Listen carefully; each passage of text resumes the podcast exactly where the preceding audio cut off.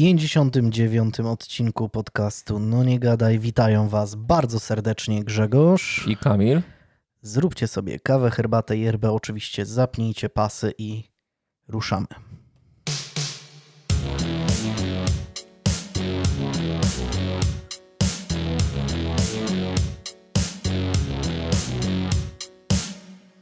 No, trochę czasu, trochę czasu minęło. Myślę, że poprzedni odcinek był jeszcze przed meczem Polska-Mołdawia. Tak? To... Chyba wyparłem to z pamięci, to jest chyba najlepszy sposób. Ale nie wiem, czy, nie wiem, czy jest sens w ogóle, w ogóle o, tym, o, o tym rozmawiać, więc, e, więc chyba może lepiej. Może no to rzeczywiście dawno, dawno, dawno temu to musieliśmy nagrywać, bo, bo ten mecz może rzeczywiście to, to jest taka kwestia, że wyparłem to z pamięci, bo jeszcze nawet nie no. pamiętam, jak on wyglądał do końca. No widzisz, widzisz, no. Przecież tam było wiele też afer późniejszych i tak to wszystko chyba przykryło tą, tą, tak, tą całą tak, tak. No, porażkę. Tam była no, nawałnica cała tam. różnego rodzaju różnego rodzaju spektakularnych doniesień, chociaż, łącznie z tym, że Fernando Santos y, odchodzi do tak. Arabii Saudyjskiej. A widziałeś, a widziałeś ten filmik z tym Stasiakiem, który śpiewa tak. za? to jest fantastyczne. Ale to jest no. przepiękne, że ta biesiada wróciła na, na no. PZP-nowe no, imprezy. Niczego innego się nie można było spodziewać po wyborze takiego, takiego prezesa.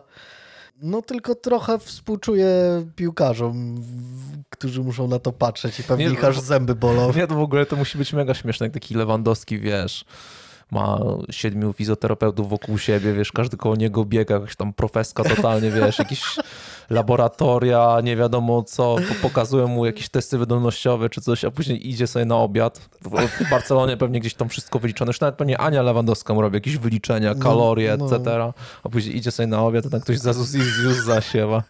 I na talerzach, i na talerzach bigos, bigos i golonka. Tak. Jakieś no. takie flaki, żeby dobrze wódeczka wchodziła później. O Boże.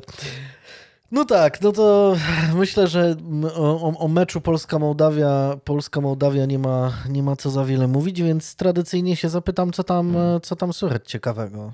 Znaczy w międzyczasie też y, bardzo istotna kwestia, bo wszystkie polskie zespoły y, powygrywały. No oczywiście Legia tradycyjnie. Zremisowała. Zre... No to i tak to jest do... dobry wynik jak na jak, na 2-0. Mm, no tak, nagrywamy w poniedziałek, w czwartek będzie w czwartek będzie rewanż e, na, przy Łazienkowskiej. E, no, jestem dobrej myśli.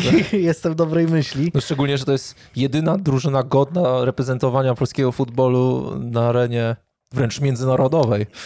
Tak, no, no e, lubię, lubię to, ale to w ogóle jest domena wielu takich e, też polskich sportowców, że lub, lubią trzymać w napięciu, nie? Tak jak słynny mecz piłkarzy ręcznych albo, albo, albo siatkarzy, że nigdy to nie jest takie tak gładko, tylko, tylko no. musi być trochę musi być trochę mm, emocji i doceniam, doceniam, że Legia nam e, zaserwowała tutaj, e, zaserwowała sporo emocji, bo naprawdę ten, ten mecz przez większość czasu wyglądał koszmarnie. wyglądał koszmarnie, więc liczę na to, że w Polsce będzie, będzie to wyglądało inaczej. Znaczy, znaczy w polskim sporcie ogólnie, ogólnie tak jest, że te emocje są zawsze dawane. No nawet ostatnio chyba z wczoraj informacja, że tam ten triatlonista Karaś Ko kojarzysz tą historię tak, całą? On tam no. wygrywał, wiesz, nad drugim miejscem tam gdzieś o 13 godzin. No, więc każdy myśli sobie, nie no, gościu jest totalnym jakimś no, e, kozakiem. On chyba, on chyba ten rekord pobił e, o, o tam 10 godzin, czy 8? O 18 godzin, czy 18, tego, co okay. pamiętam. Więc jakiś w ogóle, no, no absurdalny, absurdalnie dobry wynik. E, faktycznie. A, ale do, tam... do, do, dodał trochę, trochę emocji tym, że, że jednak tam jakiś doping się pojawił. No, agencja antydopingowa faktycznie zgłosiła, że, że był na dopingu. On twierdzi, że, że to jakoś tam przypadkiem. Z drugiej strony chyba nie było w historii sportu światowego tak, sportowca, który nie... mówi, no dobra, no, okej, okay, okay. złapaliście mnie, no Głupio. kułem Głupia się sprawa. w dupę, no. no. Sorry, to już tej drugiej nie musicie sprawdzać, bo by było grane, nie? No wiesz, to, to jest... To jest w ogóle straszne, jak tak sobie pomyślisz, no my, my się nie badamy antydopingowo, ale może gdzieś tam zjedliśmy jakiegoś kebaba, jakiegoś, wiesz, Tak. Osama e, kebab czy coś i mamy jakieś, e, jakiś doping w sobie i, i nawet o tym nie wiemy. Mogło, mogło tak być.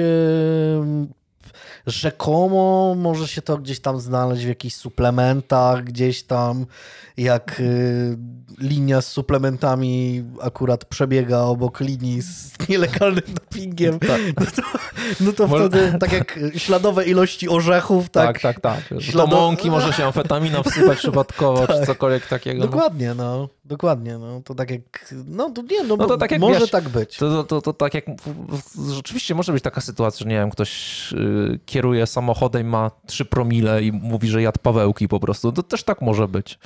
Wszystko, być. wszystko się może wydarzyć. na przykład 60 pawełków. Że 60 Pawełków jeszcze psiknął spryskiwaczem i Tak. akurat, akurat ten spryskiwacz jakoś tak, wiesz, ze, ze, ze, zepsuła się tam machina, która ro, rozpryskuje Tak. ten, ten, ten. Akurat wleciało do środka, tak? I bezpośrednio do ust. Może komuś. być. Może, się być. wydarzyć wszystko. Wszystko się może Wszystko wydarzyć. się może wydarzyć, więc No tak. nie ma co wieszać psów na nim. No. Z takich y, doniesień ciekawych, nie wiem, czy śledzisz to, co się dzieje w amerykańskim kongresie, gdzie pracownicy, byli pracownicy Pentagonu y, twierdzą, że Amerykanie są w posiadaniu y, kosmicznej jakiejś technologii i, i są w stanie nawiązywać kontakt z mm, pozaziemską cywilizacją. Więc no, grubo się dzieje. Może niedługo, już niebawem zostaniemy poinformowani o tym, że gdzieś tam na jakiejś planecie ten, Mirinda mieszka, mieszka obca cywilizacja. No, to, ciekawe, bo nie, nie, znaczy y, gdzieś, gdzieś mi mignęła ta informacja cała, że ktoś tam był przesłuchiwany, tak? Czy, czy, czy tak, tak, się tak. No, przesłuchania, przesłuchania są w, w amerykańskim kongresie, więc to tak, wiesz, no, brzmi to całkiem legit, nie? No, ale nie masz nic coś- przeciwko. Wiesz co, no, no nie wiem, przesłuchania nie mam nic przeciwko, broń Boże. No, chyba jakieś oficjalne informacje musiały pojawić, no bo y, zachorować na szurostwo to można w każdym wieku i Nie, jasne, jasne, ja jestem daleki od, y, od tego, ale z drugiej strony, kto o, no, wie, Kto wie. kto wie. No wiesz, jednak, jednak te kręgi w zbożu no, z jakiegoś powodu się pojawiają. Tak, no przecież nawet gdzieś tutaj niedaleko nas kiedyś były. Pamiętam, jak byłem, jak byłem dzieckiem, to gdzieś tam niedaleko Lisewa, w, któ- w, którym, w którym często bywam, to, mm, to właśnie były takie, takie kręgi w zbożu. No. Się działo. No. no w Polsce akurat jest dużo, dużo miejsc, gdzie można lądować, bo dużo zboża akurat, no Polska. Tak, jakoś sobie upodoba, upodobali akurat zboże, nie? No, że jakieś I tak... tam lądują. Mimo, że są też lotniska normalne, na Mm, które tak, można tak. wylądować. No ale nie ma takich specjalnych lotnisk dla statków y, pozaziemskich, nie? No jednak może, A może, może na planecie Mirinda akurat tylko, tylko w zbożu się że wszędzie są lotniska, a lotniskiem jest zboże. Na przykład jest taki, taki Wysiane tylko wysiane zboże? zboże tylko po to, żeby lądować na nim.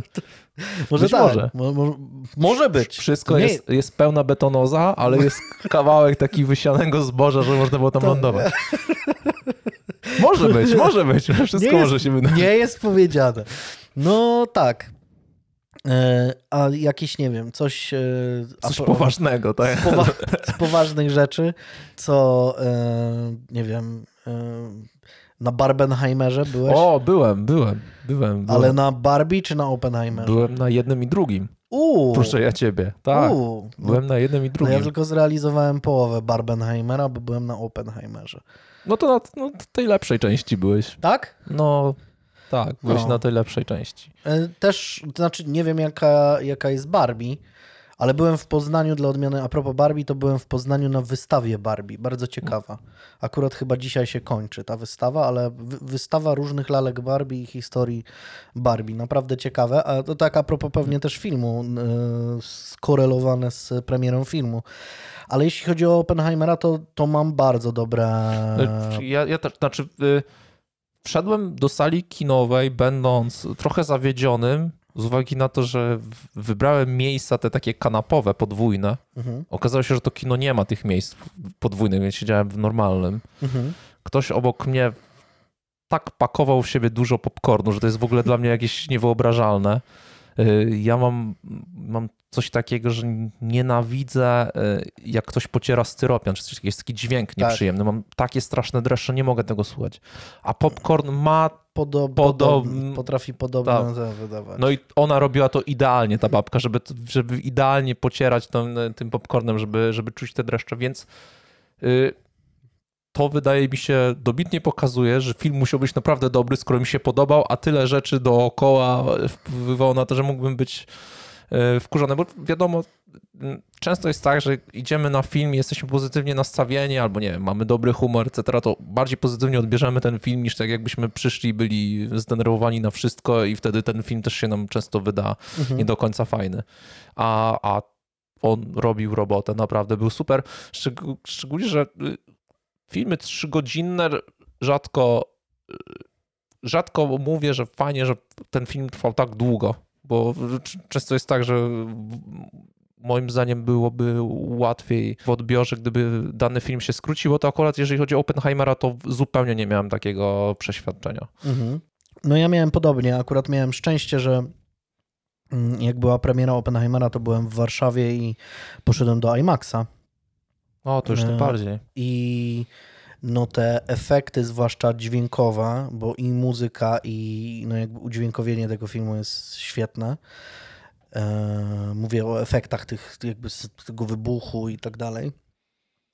Ale z ciekawostek, jak już mówimy o, o naszych e, towarzyszach i, i towarzyszkach e, oglądania filmu, to obok mnie siedział facet, który dosłownie 5 minut po rozpoczęciu filmu zasnął, obudził się jak był wybuch, po czym znowu zasnął i spał do końca filmu, więc... Więc, e, więc jemu się najwidoczniej nie podobało, albo miał wyjątkowo zły dzień. Jakiś taki mm, zmęczony przyszedł do kina. Mi, mi się raz tak wydarzyło. Miałem tak samo kiedyś na nowym Blade Runnerze. Też zasnąłeś? Tak, ale strasznie byłem zmęczony i przygasły światła No, no, no. I jak odleciałem, to Tak. na, napisy końcowe mnie No, obudziły. no jestem w stanie sobie, jestem w stanie sobie to wyobrazić, dlatego też nie jakby nie, nie do końca em, czytam to jako negatywną recenzję tego filmu, bo, bo faktycznie moim zdaniem film jest naprawdę bardzo, bardzo dobry. No jeżeli właśnie film jest, trzyma- jest w dużej w części przeba- przegadany i on nie jest Tak. dla ciebie nudny, no to to jest jakby najlepsza recenzja, tak? Tak, no nie ma pościgów, nie ma, Nie ma, no. wybuchy są, ale nie takie w To, sensie, nie, to, to nie jest, to nie jest kino akcji. tak, nie? to nie są pościgi jak w Sarni w Żniwie, czy cokolwiek takiego, że, że oglądasz z zapartym tchem. Tak, tak, tak. No. Więc y, w takim razie Oppenheimer chyba dostaje nasz znak jakości, skoro, Tak. skoro jest tutaj, mm, jest tutaj y, pełna, pełna zgoda co do tego, że jest to świetny film. A jeśli chodzi o Barbie, no to pewnie jakoś się, jakoś się wybiorę za jakiś czas, albo poczekam aż będzie na VOD, bo to chyba nie jest taki film, że koniecznie trzeba go na, Nie, nie, nie, na, bro, nie, na nie, nie dużym trzeba, no. Wiesz co, y, ja nawet miałem taką myśl przez dłuższy czas, żeby poczekać na Barbie, na VOD. Tylko chyba za dużo już tego mi zaczęło wyskakiwać na tych wszystkich Instagramach, TikTokach i wszystkich socjalach, więc mówię, kurczę, zanim, zanim to wleci na VOD, to już będę totalnie wszystko wiedział o, o, o tym filmie, Mhm. więc jakoś, jakoś się wybrałem. E, No ja uwielbiam Margot Robbie, więc y, to, to na pewno mm, byłoby już jakimś tam pozytywnym punktem wyjścia, jeśli chodzi o ten, y, ten film, bo naprawdę cenię, cenię tę aktorkę, ale no e, może, nie wiem, no jakoś teraz ostatnio nie miałem, nie miałem czasu na, na kino, za to jeśli chodzi o VOD, to E, Tak w sumie od niechcenia i zupełnie przypadkiem e, zacząłem sobie oglądać film, który się nazywa Sisu. Nie wiem, czy słyszałeś o tym filmie. On w sumie tak przeszedł bez chyba większego echa, bo jest to fiński film wojenny o II wojnie światowej teoretycznie. E, W klimacie takiego takiego spaghetti westernu. Coś mi to momentami przypominało Django. E, Fińskie Django to brzmi bardzo, bardzo ciekawie. No, brzmi to bardzo, y, bardzo ciekawie, bardzo dziwnie i faktycznie ten film jest dziwny, ale jest zajebisty, naprawdę polecam, bo jak się zupełnie o tym filmie nic nie wie, co on tam, co się tam może wydarzyć, to można się naprawdę e, no, dość, dość mocno zaskoczyć, więc nie będę, nie będę wiele mówił. Film jest prosty i taki nie, nie, nie ma się co spodziewać jakiejś, e, e jakiś, e, jakiegoś wielkiego kina przez duże K, ale no, u, ubawiłem się jak norka na tym, e, na tym filmie, więc polecam naprawdę. Sisu się film nazywa. To z, z wojennych ja oglądałem na Amazonie, ostatnio wyszedł film Przymierze się nazywa z Jake'em Gyllenhaalem. O, to nawet nie, e, nie jest wiem, to, też, to jest. Też, też wojenny film, e, kwestia Afganistanu. O. E, chyba takie rozliczenie, amerykańskie rozliczenie z osobami, który, których Amerykanie zostawili w Afganistanie, którzy ich wspierali, którzy mieli obiecane często, że dostaną wizę do Ameryki, a często zostali, zostali sami. Historia jest jest bardzo ciekawa, fajnie, fajnie się dogląda. Też to nie jest jakieś wybitne kino, tak, wojenne, ale naprawdę no, można obejrzeć z mhm. przyjemnością i, i, i mogę bez problemu pole, polecić. Też lubię Jake'a, na przykład jak wspomniałeś o Margo, więc, no tak. więc no, naprawdę wyszło fajnie. Jest na Amazonie, o ile dobrze pamiętam. E, to, to, sobie, to sobie na pewno, na pewno sprawdzę. No jeszcze z takich, z takich rzeczy, które, które już się pojawiały u nas, no to e, wyszedł też nowy, e, nowy sezon Wiedźmina. Nie wiem, czy w ogóle w, w ogóle nie mam. oglądałeś. Mm, ja szczerze mówiąc wiem, że chyba ten sezon został tak wydaje mi się najbardziej skrytykowany z ja, ja widziałem, poprzednich. Ja widziałem, widziałem oceny, jakoś tak zupełnie mnie nie, nie, e, nie wzięło na to, to, żeby to obejrzeć. To ja z całkiem, z całkiem sporą przyjemnością e, obejrzałem, ale ten tylko tą, tą pierwszą połowę jakby tego, bo ten sezon został mhm. podzielony i tak, i ta druga część jakoś, nie wiem, kilka dni temu miała, miała premierę. Więc e, obejrzałem tę pierwszą część. Ogólnie Netflix chyba w to idzie często teraz. Chyba ze Stranger Things tak, tak było tak, podobnie. Tak. No, przynajmniej te takie flagowe tak. seriale to tak wypuszcza E, trochę, trochę to dzieli, trochę mm, tak e, częściami. I całkiem przyjemnie mi się to oglądało, ale w sumie tak e, widzę oczywiście minusy tej, tej, tej produkcji i, i jasne, że to, że to nie jest, nie wiem, gra o tron z najlepszych czasów, tak, że po prostu siedzisz na krańcu fotela, ale chyba to też ten serial nie ma takich aspiracji, nie? Więc więc całkiem z przyjemnością mi się to oglądało i mam wrażenie, że trochę ta krytyka już jest taka dla zasady w sumie. No, że... Ale to nie jest też trochę tak, że te aspiracje w pierwszym sezonie przynajmniej były i zapowiedzi były też takie, że, że to będzie może, tak wyglądało, a może to tak. wszystko pikuje w dół jednak. Może, może były takie, to znaczy ja nie oczekiwałem, bo też jakby Wiedźmin i i Gra o Tron są zupełnie różnymi, e, różnymi dziełami, nie? To znaczy to jakby zupełnie inaczej są rozłożone te punkty ciężkości, e, więc, e, więc nie do końca oczekiwałem jakby powtórki z rozrywki jakiegoś takiego House of Cards w świecie fantazy. No tak, ale, ale no, może nie w House of Cards, ale jednak było to zapowiadane jako może taka tak odpowiedź Netflixa na, na grę o Tron od HBO, nie? Ta premiera została tak też e, umiejscowiona, żeby przygarnąć środki po grze o Tron. Tak, nie? tak, tak, żeby przykryć tą dziurę, nie? Która, tak, która więc, została po, więc, po no, zakończeniu. No, może, może, może tak, ale, ale no ja nie miałem takich, takich oczekiwań i mam wrażenie, że teraz trochę ten serial już jest jakby tak dla zasady krytykowany. Teraz zresztą w następnym sezonie twórca głównej roli ma się ma się zmienić, tak? Henry Cavill już nie będzie już nie będzie mm, grał Geralta, więc no też jestem ciekawy jak to, jak to wypadnie, no ale do tego jeszcze będzie trzeba, będzie trzeba poczekać. Więc w sumie ten e, po, początek, powiedzmy pierwsza część tego, tego e, trzeciego tak, sezonu e, wydaje mi się całkiem, e, całkiem ok, bez jakichś większych fajerwerków, ale, ale całkiem przyjemnie się, mm, się bawiłem. Coś jeszcze mamy, nie wiem, masz jakieś e, piosenka wyszła jakaś ciekawa? A, czekaj, bo jest najistotniejsza zawsze, zawsze najistotniejsza część naszego bajdurzenia, czyli kącik działkowy. Byś zapomniał o kąciku działkowym. Otóż to. Kącik działkowy. Teraz ja sobie muszę pomyśleć, co jest najistotniejsze w kąciku działkowym. W mojej głowie w głównej mierze y, jest kwestia basenu, Mhm. Mam basen Właśnie, taki stelażowy. Powiem ci, że y, nasłuchałem się o tym, że ta woda będzie fatalna, mhm. że będzie ciężko ją utrzymać w jakimkolwiek stopniu, żeby to wyglądało ładnie. Mhm. I potwierdzam w 100%. Ja nie widziałem jeszcze, że ona była ładna w jakikolwiek sposób. Ona jest. Y, straszne problemy związane z tym, że y, pobierana przeze mnie woda, chyba ona nie jest do końca przefiltrowana, czy też jest bardzo dużo żelaza w niej. Więc mimo to, że ta woda wydaje się w miarę czysta, to jak ona już stoi dłużej, to robi się brązowa. Więc trzeba z tym trochę pracować. Ciężko to w ogóle to żelazo wyciągnąć, jakieś tam witaminy C, jakieś tam różne rzeczy, jakieś filtry.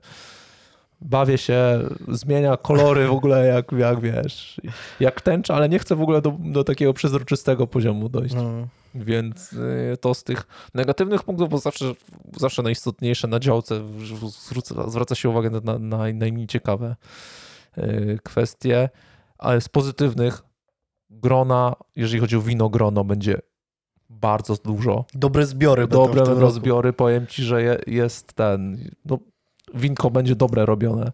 No Śliweczka to, jest. No to mnie cieszy. Więc śliwowica. Śliwowica będzie robiona. Bardzo dużo borówki, ale borówka, no to nie wiem, co można zrobić z borówki.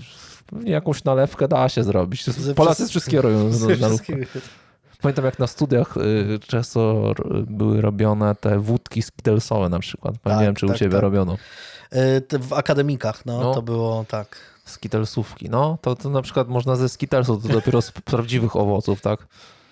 Tam pewnie skitelsy nam blisko owoców w ogóle pewnie nawet nie stały, pewnie jakieś tam są Mm, raczej, raczej nie. No ale tak, no znaczy głównie się te skitelsy dodawało, żeby zabić smak alkoholu, który był nie do końca wysokiej jakości i, i dawał benzyną jakąś taką, bo gdzieś pewnie był przewożony w jakichś kanistrach czy coś, więc e, głównie, głównie te no, miętusy no, różne. Kolor, ale wiesz, to, to Wiesław Szywka mówi, że to się choruje od tego koloru, ale właśnie to tak. nadawało ten kolor i wtedy się... Prawda. Więc jakbyś wypił tą benzynę, to nic by ci nie było następnego dnia. Ale jak ten skitelsik i tam połączysz, no tak, to... ta chemia, nie? Ta najgorsza chemia, to, to chemia. najgorsza ta chemia. Bo wódka jak wódka smakuje jednakowo, czyli wspaniale. No. Więc ogólnie zbiory będą udane. To mnie cieszy. Bardzo, bardzo, bardzo się cieszę, mimo że żadnego jeszcze żadnych odchodów gołębi jeszcze nie udało mi się pozyskać. No to, to, co dopiero będzie w przyszłym roku mi się uda. No właśnie, no, to będzie no. po prostu... No mam nadzieję, że... Znaczy wydaje mi się, że to nie... Może to jest jakaś os, ostatnia moja nadzieja, że odchody gołębi jeszcze do basenu można wsypać i to też naprawi, naprawi wodę, ale wątpię, że to tak działa. I szersze. I szerszenie do środka. No, no tak. Ale to mnie cieszy w takim razie, że winobranie będzie. Winobranie będzie, będzie. Będzie, będzie. ostre. Y, I... Są różne gatunki. To nie jest tak, że jedny, wiesz, jeden Czyli będzie typ. kupasz, Ta, tak o, zwany. No, tak, wszystko. Będzie wszystko. Co sobie wymarzysz, to jak no sultan. To... Można wejść i normalnie oczy zamknąć i, i zrywać. No to jestem pełen, pełen e, zachwytu. No ja jeśli chodzi ca, cały czas o, o działkę, to po prostu jej nie mam, więc... Więc niewiele, niewiele, mogę, niewiele mogę mm, powiedzieć na ten temat. To chyba, to chyba wszystko, jeśli chodzi o, o rzeczy y, bardzo istotne. A teraz przechodzimy do mniej istotnych.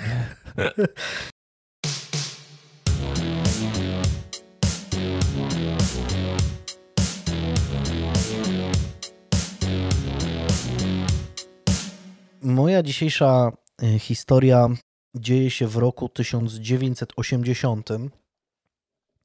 Więc tym razem przygotowałem kalendarium. Nie wiem, czy. Wydaje mi się, że tego roku jeszcze w naszych kalendariach nie było, więc sobie przelecimy, co się, co się w tym y, roku działo. E, mistrzem Polski pierwszej ligi piłkarskiej zostaje klub Sząbierki Bytom. Królem strzelców jest wielki Kazimierz Kmiecik, e, snajper Wisły Kraków. Odbywają się też piłkarskie Mistrzostwa Europy we Włoszech, niestety no, bez udziału Polski. Ta odpadła mm, w eliminacjach. W finale turnieju na Stadio Olimpico RFN zwycięża wynikiem 2-1 z Belgią, a strzelcem obu zwycięskich bramek jest Horst Hrubesz. 26 stycznia odbywają się pierwsze w historii zawody Pucharu Świata w skokach narciarskich w Zakopanem. Wygrywa je zresztą nasz rodak Stanisław Bobak. 14 marca dochodzi do katastrofy samolotu e, IU-62 Mikołaj Kopernik. E, no, jest to jedna z takich naj, naj, najsłynniejszych katastrof lotniczych e, na terenie Polski. Maszyna lecąca z Nowego Jorku do Warszawy rozbija się przy podejściu do lądowania na terenie Fortu Okęcie. Śmierć ponosi 87 osób, w tym słynna piosenkarka Anna Jantar, a także 22 członków bokserskiej reprezentacji Stanów Zjednoczonych. 21 marca 76-letni Walenty Badylak przykuwa się łańcuchem do studzienki na krakowskim rynku i dokonuje aktu samospalenia w proteście przeciwko przemilczeniu zbrodni katyńskiej. 6 kwietnia w polskiej telewizji zostaje wyemitowany premierowy odcinek serialu Kariera Nikodemadyzmy z wybornym Romanem Wilhelmi w roli głównej i to jest moja taka stała polecajka. Jeśli ktoś nie zna tego, e, tego serialu, to jest to naprawdę absolutny sztos i nie należy go mylić z tym filmem Nikosia, z, tak? Czy coś tam. z Cezarym Pazurą, który moim zdaniem jest no, mm, średniej jakości. 14 kwietnia Oscarem za najlepszy film zostaje nagrodzona produkcja Sprawa Kramerów. Największym przegranym rozdania jest e, wybitny Czas Apokalipsy, który dostaje tylko dwie statuetki za najlepsze zdjęcia i najlepszy dźwięk, choć nominowany jest w aż ośmiu kategoriach. 11 maja trwają letnie Igrzyska Olimpijskie. Na rozbiegu do skoku o tyczce stadionu Łużniki w Moskwie wśród gwizdów niegościnnego tłumu staje 26-letni Władysław Kozakiewicz. Bijąc rekord świata, przelatuje nad tyczką na wysokości 5,78. Gdy ląduje, odwraca się do rosyjskich kibiców i wykonuje słynny gest, który przejdzie do historii jako gest Kozakiewicza. 17 maja trafiają do kin Gwiezdne Wojny Imperium kontratakuje. Wszyscy wtedy dowiadują się, kto jest ojcem Luka Skywalkera. Tydzień później do kin wchodzi Lśnienie Stanleya Kubricka. 6 czerwca ma miejsce pierwszy festiwal w Jarocinie. Co ciekawe, gra na nim na przykład zespół Kombi. Co jest dość ciekawym wyborem, no bo biorąc pod uwagę, że no za kilka lat ten festiwal zdominują takie kapele jak Defekt Mózgu, Sedes, Siekiera czy Deserter. No ale wiesz, każde pokolenie. Ma własny czas, oczywiście. E, 25-26 czerwca podczas festiwalu w Opolu prezentowane są takie hity jak Wszystko, czego dziś chcę Izabeli Trojanowskiej, wykonane razem z Budką Suflera, Boskie Buenos Manamu, a ponadto publika ma okazję poszaleć przy bananowym songu zespołu Vox. E, naprawdę świetny kawałek. Jeden z tych lepszych kawałków. Tak, tak, taki wak wakacyjny. Wakacyjny, wakacyjny. Akurat, akurat y, na, na czerwcowe, czerwco, czerwcowy festiwal po prostu już czuję jak... Jak ulał. No zazdroszczę tym, którzy mogą to usłyszeć po raz pierwszy. No. 14 sierpnia gdańscy stoczniowcy rozpoczynają strajk. Na jego czele staje 37-letni elektryk okrętowy Lech Wałęsa. A propos Lecha Wałęsy, muszę to powiedzieć, ostatnimi czasy uwielbiam tak zwaną serię kąpielową postów. Oj, tak. Kąpiel w mleku, kąpiel w piwie, w jakiś e, w winie czy w czymś. E, czekam na, na kolejne jakieś, w, w ginie, w whisky, nie, nie wiem, w araku, w likierze jajecznym. To jest jak, jak u Hitchcocka. Musi być od początku pierdolnięcie, a Tak. później jeszcze mocniej musi być. Uwielbiam serię. e, Jeśli słucha nas, nas Lech Wałęsa, to niech nie przestaje. Na Facebooku Lecha Wałęsy można, można e, stale śledzić, czym, w czym się akurat kąpie, a kąpie się w różnych ciekawych rzeczach. Naprawdę uwielbiam, uwielbiam te, te serię prezydenta Wałęsy. 9 października literacką Nagrodę Nobla otrzymuje Czesław Miłosz, a 8 grudnia przed apartamentowcem na nowojorskim Manhattanie zostaje zamordowany nie kto inny jak John Lennon. Zabójcą muzyka okazuje się fan zespołu The Beatles, Mark Chapman. Motywem przewodnim naszego takiego mm, podcastowania od dłuższego czasu są usilne próby znalezienia jakiejś historii z Grudziądza. I naprawdę bardzo chciałem sprostać temu wyzwaniu. Po, po, poświęciłem się, ale poległem.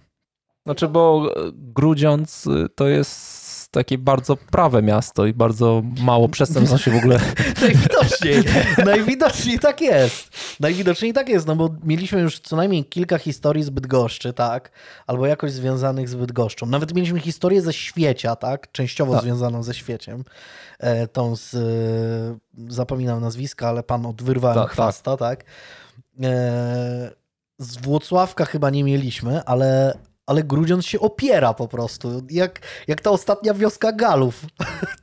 jest, jest, jest jakaś nie do zdobycia przez, przez yy, Znaczy, ty- Ale to, podcasty. to, to właśnie się zastanów, co tam, co tam musi się, może po prostu y, mieszkańcy Grudziądza, oni nie wiadomo, co się musi wydarzyć, żeby oni cokolwiek zgłosili. Może to było tam we własnym sosie wszystko się dzieje. może tak tak być. naprawdę nic nie wychodzi poza granicę, poza mury tego pięknego tak być. miasta. Może tak być, no. No, to fajnie być ten, fajnie być stróżem prawa w takim, szeryfem w takim mieście, skoro mieszkańcy wszystko załatwiają między, so- między sobą. Ja, y, jak byłem w Grudziądzu, to bym się wcale nie zdziwił, że tak to tam wygląda. No, podczas y, niedawnej wycieczki do tego pięknego miasta nad Wisłą przypomniałem sobie o pewnej strasznej historii, która miała miejsce dosłownie nieopodal, nie w Grudziądzu, ale niedaleko. Jadąc z naszego rodzinnego Chełmna przez Świecie w stronę Grudziądza, przejeżdżamy przez niewielką wieś, y, która nazywa się Górna Grupa, w której ponad 40 lat temu rozegrał się istny horror. Ale po kolei. Jak każdy z Chełmna i okolic wie, w Świeciu znajduje się szpital psychiatryczny. Myślę, że w Polsce jest coś takiego, że każda okolica, ka- każdy rejon ma taki swój taki dyżurny szpital psychiatryczny, którym się straszy dzieci, albo straszyło przynajmniej, może teraz już Znaczy, nie. ty, jeżeli w chodzi o Białymsz- świecie, to tak naprawdę w całym województwie Tak. wszyscy wiedzą o tym, że jak mówisz świecie, Tak, ale tak samo jest, nie wiem, te takie najbardziej znane, czyli Tworki, Choroszcz, tak? tak. e, Kocborowo, no każdy jakiś, te, każdy jakiś Każdy re- re- obszar, re- region, tak. województwo ma taki swój dyżurny szpital psychiatryczny, który staje się takim symbolem, nie wiem, zachowujesz się, to cię wyślą do, do świecia, do, do, do tworek czy, czy, czy gdzieś tam. No tak samo jest z zakładami karnymi często, nie? które Też. nie często są w dużych miastach. Tak, tylko- sztum, nie? Tak, no. Nie każdy jednak zdaje sobie sprawę z faktu, że mm, ten świecki szpital jest to najstarsza i najdłużej działająca tego typu placówka w całym naszym kraju. Od 1822 roku przy tamtejszym szpitalu krajowym funkcjonuje już 20-łóżkowy oddział dla pacjentów chorych psychicznie, a w 1855 roku swoją działalność rozpoczyna ten właściwy już szpital dedykowany wyłącznie dla osób niepełnosprawnych intelektualnie oraz chorych psychicznie. Oczywiście w tym czasie no nie jest to Polska, tylko Prusy. Od tego czasu jest to e, tutaj pełna nazwa Zachodnio-Pruski Rejonowy Zakład Leczniczo-Opiekuńczy dla Umysłowo Chorych. Nowy szpital dysponuje 200 łóżkami, ale zapotrzebowanie rośnie, więc liczba ta systematycznie się powiększa. Na początku XX wieku w świeckim zakładzie leczy się już 860 chorych, w tym 60 w opiece domowej. W efekcie zmian geopolitycznych w świecie znów jest w obrębie polskich granic, a szpital pod nowym zarządem zostaje przemianowany na Pomorski Krajowy Zakład Psychiatryczny. Wtedy też wokół placówki powstają warsztaty rzemieślnicze, w których mogą pracować pacjenci, co stanowi część terapii. Dzisiaj nazwalibyśmy to terapią zajęciową, która współcześnie no, jest bardzo powszechna. W ten sposób pensjonariusze mogą w kontrolowanych warunkach wykonywać drobne prace mające na celu ich aktywizację i po prostu, no, żeby, ta, żeby ten ich pobyt w szpitalu nie był taką czystą wegetacją, tylko żeby w miarę swoich możliwości mogli, mogli coś robić, czymś się zajmować.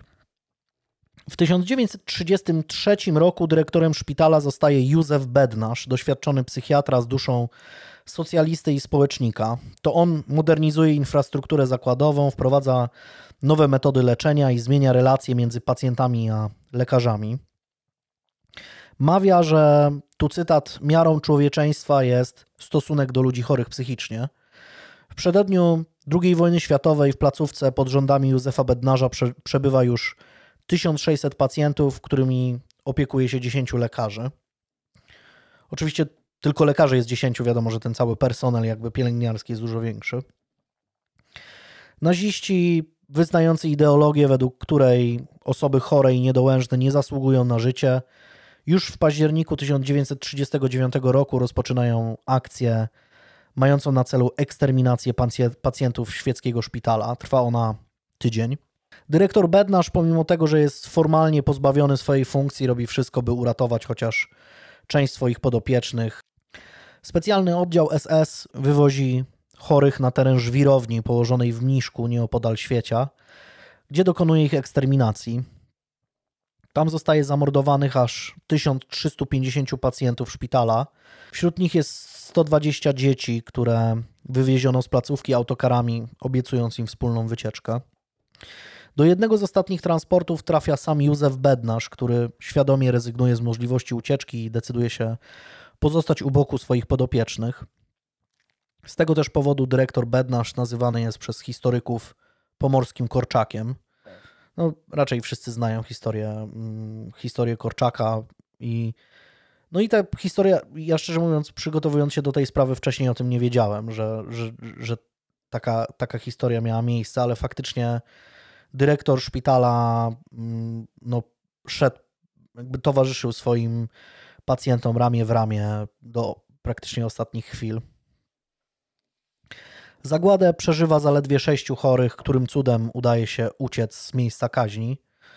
Była tam taka sytuacja, że w pewnym momencie jakieś tam reflektory zgasły, bo te egzekucje często były przeprowadzane w nocy i zgasły reflektory. Ludziom się udało uciec po prostu, gdzieś tam roz, rozpierzchnąć po, po lesie.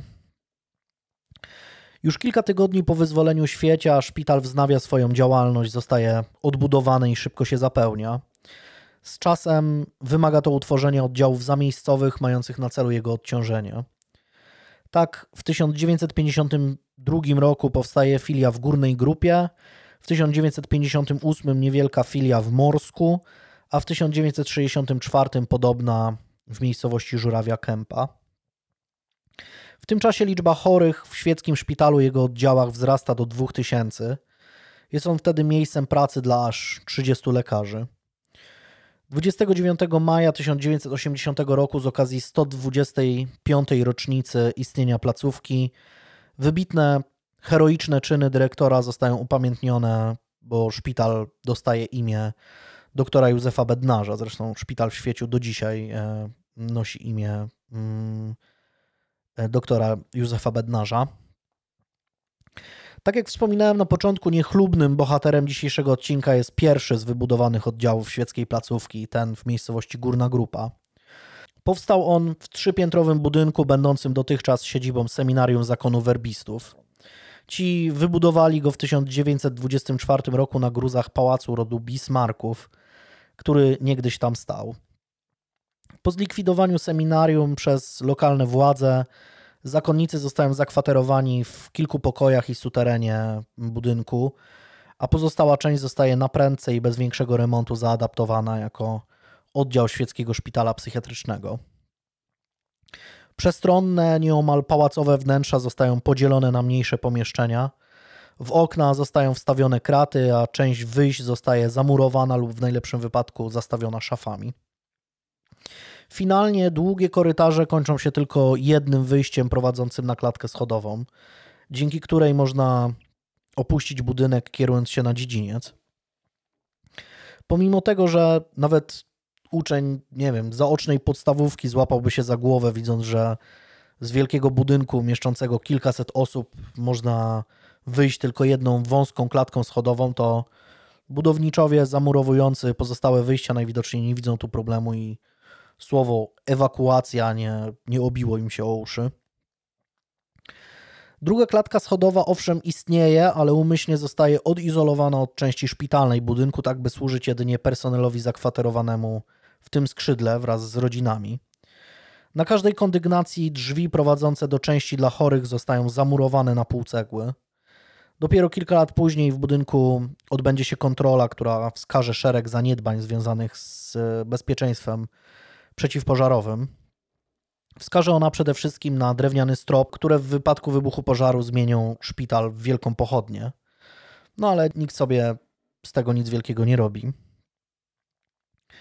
Ostatnia kontrola przeciwpożarowa z września 1979 roku również wskazuje całą masę nieprawidłowości. Jak zwykle jej wyniki i pilne zalecenia nikogo nie interesują. Komendant rejonowy Straży Pożarnych bez trudu zauważy, że udostępnienie drugiej klatki schodowej jako drogi ewakuacyjnej skróciłoby tę drogę nieomal trzykrotnie. Zaleca więc wprowadzenie odpowiednich poprawek, które można wykonać praktycznie bezkosztowo i niewielkim nakładem pracy. Nikt jednak do jego wskazań się nie stosuje. Sale dla pacjentów zostają ulokowane na drugim i trzecim piętrze. Na każdym z nich jest jedna duża sala mieszcząca około 50 pacjentów oraz trzy mniejsze po 20 chorych w każdej. Nie trudno więc obliczyć, że możliwości szpitala pozwalały na przyjęcie maksymalnie 220 pacjentów, w rzeczywistości zazwyczaj było ich znacznie więcej. W dniu, w którym wydarzy się tragedia, według oficjalnych doniesień było ich 319, choć w wielu artykułach szacuje się, że mogło być ich nawet 400. W salach panuje wieczny nieporządek, smród i zaduch, bo obowiązuje zakaz otwierania okien. Są one zabezpieczone kratami i hartowanym szkłem, więc ich otwarcie nie stanowiłoby zagrożenia dla nikogo, ale regulamin to regulamin. Chorzy muszą trzymać swoją odzież na łóżkach, bo są one tak upchnięte w salach, że nie ma mowy o żadnych szafkach czy stolikach. Część chorych, by dostać się na swoją pryczę, musi nieomal przeczołgiwać się przez łóżka innych. Nad tym wszystkim panuje personel, który w zdecydowanej większości jest niewykwalifikowany. Nawet pielęgniarki pracujące w oddziale to w większości młode kobiety z podstawowym wykształceniem, zatrudnione świeżo po krótkim kursie pozwalającym im wykonywać ten zawód. Nie mają więc najmniejszego pojęcia o chorobach i zaburzeniach, na które cierpią ich pacjenci, a co za tym idzie, nie są w stanie odpowiednio zadbać o ich komfort. Nie zmienia to jednak faktu, że personel regularnie wykazuje się empatią wobec pacjentów. Kiepskie racje żywnościowe pielęgniarki starają się urozmaicać, piekąc z własnej inicjatywy i za własne pieniądze różnego rodzaju ciasta i inne przysmaki, którymi częstują e, swoich podopiecznych. No, wszystko po to, by sprawić pacjentom mm, jakąś, jakąś przyjemność, dać im jakąś podmiotowość w tych upokarzających warunkach. Bo w szpitalu w górnej grupie warunki faktycznie są po prostu upokarzające. Każdy dzień rozpoczyna się od porannej toalety. Problem polega jednak na tym, że w placówce nie ma ubikacji. To znaczy jest, ale przeznaczona tylko dla personelu. Chorzy załatwiają się więc do zwykłych wiader. Mówimy tutaj oczywiście o roku 1980. O ile prawdopodobnie, nie wiem, przed wojną, e, na przykład pewnie jeszcze za, za czasów e, dyrektora Bednarza, pewnie w niejednym domu na wsi nie było kanalizacji, tak, czy, czy jakichś takich no, wygód tego rodzaju. O, o tyle w 1980 roku raczej toaleta z kanalizacją była już standardem i dostęp do bieżącej wody. Dlatego wydaje mi się to jakimś, jakimś absurdem, że, że ludzie mm, byli trzymani w takich warunkach. Na śniadanie jest prawie zawsze to samo: zacierki na mleku i chleb z margaryną. Ser czy wędlina traktowane są jak rarytas i trafiają na talerze pacjentów bardzo rzadko. W jednym z artykułów natknąłem się na informację, że rzekomo pacjenci mieli wprost nielimitowany dostęp do marmolady, ale brzmi to, brzmi to dziwnie. No. E, skoro niczego innego nie było, to dlaczego akurat marmolada była na zasadzie all you can eat, że po prostu możesz jeść tyle, aż, aż, aż pękniesz od tej marmolady. Ale nic innego nie ma, tylko ta marmolada. Nawet jeśli jest to prawda, to ani zacierki na mleku, ani chleb z margaryną, ani tym bardziej marmolada na kilogramy to no to no, trzeba przyznać, że jest to śniadaniowa porcja, na widok której niejednemu dietetykowi zjeżyłyby się włosy na karku. To, to, to, raczej tak jak mówiliśmy w Bajdurze, no to raczej styl tej nowej reprezentacji Polski niż tej starej. tak, no. Niż tam gdzieś jakichś porządnych do, drużyn. No dokładnie, no bo, no bo no trudno tutaj mówić o zbilansowanym posiłku, tak? Po zjedzeniu tego porannego posiłku wszyscy są kierowani do tak zwanej sali dziennego pobytu i faktycznie poza byciem nic się tam nie robi. Nuda zostaje przerwana dopiero obiadem, ale ten zazwyczaj też jest nudny, bo pacjenci na zmiany dostają pomidorową i krupnik. Do tego czasami trochę kaszy z sosem. Ci bardziej chorzy jedzą w łóżkach, ci sprawniejsi w stołówce. Po posiłku dalej nie dzieje się zupełnie nic. Nie ma mowy tu o jakiejkolwiek rozrywce, a tym bardziej terapii. No chyba, że za rozrywkę uznamy wykorzystywanie chorych do pracy w polu, a za terapię elektrowstrząsy.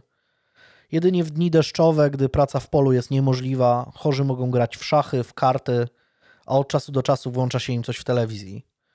No ale z drugiej strony, no, jeśli to tam były, jeśli tam byli ludzie faktycznie no, głęboko chorzy psychicznie, tak?